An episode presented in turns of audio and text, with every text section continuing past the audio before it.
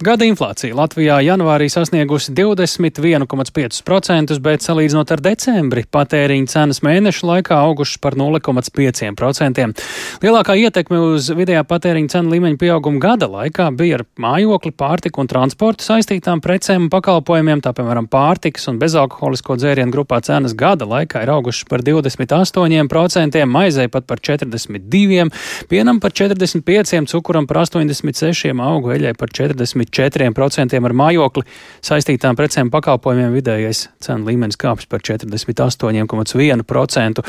Tie gan ir lielākie skaitļi, pārējās preču grupās tie ir mazāki, un tas lielties noticis vēl straujāka energoresursu cenu pieauguma dēļ. Veselības aprūpas grupā, piemēram, mēs redzam, kāpums ir bijis par 10,3%. Tas par gadu, bet salīdzinot decembri un janvāri cenu pieaugums ir bijis, tātad, kā jau dzirdējām, minimāls. Citadēļ banka ekonomists fiskālās disciplīnas padomas loceklis Mārtiņš Čāboliņš pie raidījuma pēcpusdienu klausulis. Labdien! Labdien! Gada inflācijas skaitļi joprojām redzami ir milzīgi. Savukārt mēneša inflācija, lai arī viena no zemākajām pēdējā gada laikā, nedaudz atkal ir pakāpusies. Kā mums to tulkot šo tieši pēdējo etapu? Nu jā, mēs skatāmies, gada inflācija arī nedaudz pakāpsies. Decembrī bija jau zem 21%, šobrīd ir atkal 21,5%. Um, nu, tur tā lielākā ietekme šobrīd ir tas, ka pagājušajā ziemā bija ļoti dāsna atbalsta pasākumu un faktiski uz četriem mēnešiem elektrības cenas pat samazinājās. Līdz ar to mēs salīdzinām šodienas elektrības cenas, kas uh, mēneša laikā ir pat samazinājušās, bet nu, tur, tur veidojās tāds, teiksim, liels gada pieaugums. Vienkārši pagājušā gada bija lēts, tāpēc mums, teiksim, tā gada inflācija nedaudz pakāpusies, un, uh, un arī no kaimiņu valstīm šobrīd um, Baltijā mums ir augstākā inflācija. Um, es domāju, tas galvenais, uh, ir tiešām tas, ka uh, mēneša laikā cenas ir augušas pa, pa 0,5%. Mm, nu, tur, tur divas ziņas. Pirmā, ka tā, nu, cenas joprojām aug, bet tas pieauguma ātrums mums ir daudz zemāks nekā. Tas bija no februāra līdz jūlijam aptuveni, kad mēneša vidēja inflācija bija vairāk kā 2,5%. Nu, tiešām tas inflācijas tas ātrums ir sabranzējies.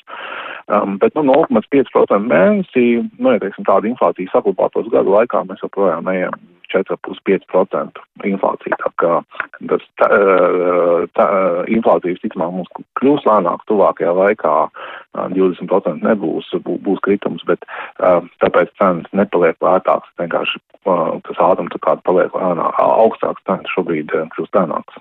Kas šādos apstākļos ir tie lielākie riski un kas varbūt ir arī labi, jo ir cilvēki, kur uztraucas, lai arī nesāks deflācija un recesija ekonomikai, un te pašā laikā, protams, pārlieku liela inflācija nevienam nav laba vēsts. Nē, nu šobrīd, šobrīd galvenais, lai, lai inflācija nokrīt, jo tiešām tā, nu, tas, kas mums ir bijis pēdējā gada laikā, tā ir, uh, nav normāla inflācija un, un, un tas nav veselīgi priekš ekonomikas. Uh, tāpēc, mums, teiksim, ja pēdējie mēneši, tiešām tas cenu kāpums vairs nav tik strauši, tā ir, tā ir laba ziņa. Uh, protams, ka deflācija mums var sanākt īsu brīdi, uh, ja mēs paskatāmies šobrīd, uh, piemēram, uz par mājokli saistītās cenas, ir īpaši enerģijas izmaksas, vai tā ir siltumenerģija centrāla apkur, vai tā ir gāze vai, vai cerēs kurināmais. Tad tās cenas joprojām ir, ir stipri augstas un inflācija ir, ir augsta, bet uh, mēs šobrīd paskatāmies, teiksim, kas notiek Eiropas uh, biržās ar gāzi, dabas gāzes cenām. Uh, nu, tur ir būtisks kritums kopš pagājušās vasaras. Uh, protams, ir silta ziema, mums ir izdevies, teiksim, Eiropā veiksmīgi aizvietot Krievijas gāzi un, un daudz faktoru, kāpēc tas tā ir. Uh, bet, ja tās cenas paliek tādas, teiksim, um, 50, 60 eiro par megavatu gāze. Nu, normālā cena bija, bija 20, uh, bet, nu, vasarā mēs redzējām pār 300 eiro par megavatu stundu. Ja tās cenas palieksim šajā līmenī, tie 50, 60 eiro par megavatu stundu, tad jau uz nākamo apkursu sezonu mēs visticamāk redzēsim pietiekami jūtams siltumēnerģijas tarifu samazinājums tīpaši vietās, kur, kur ir apkura ar, ar, ar, ar kur notiek ar dabas gāzi, un tad arī var sanākt kaut kādā brīdī deflācija. Um, bet par ekonomiku, jā, protams, kad uh, šobrīd ir bažas, uh, ka, kā, teiksim, attīstīsies pagaidām tā situācija, es teiktu, pietiekam labi. IKP rādītājs ir uz nulli, uh, bezdarbs ir pieaudzis, bet tikai tik, cik sezonālais uh, parasti ziemā pieaug.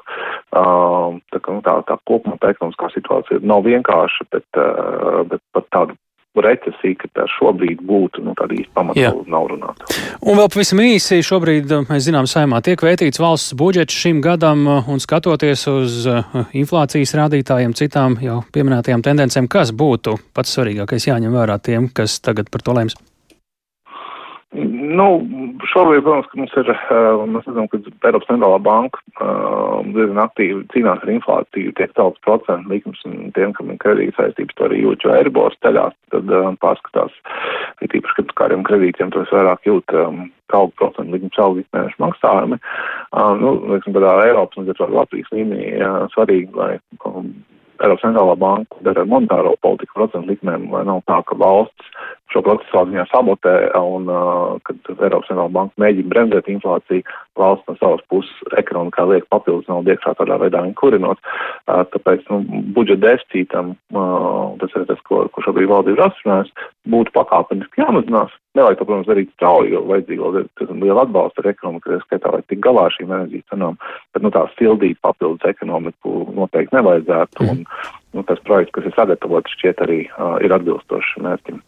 Lielas paldies par sarunu. To mēs sakām Mārtiņam Māboliņam, cita Dēlbanka ekonomistam un fiskālās disciplīnas padomas loceklim.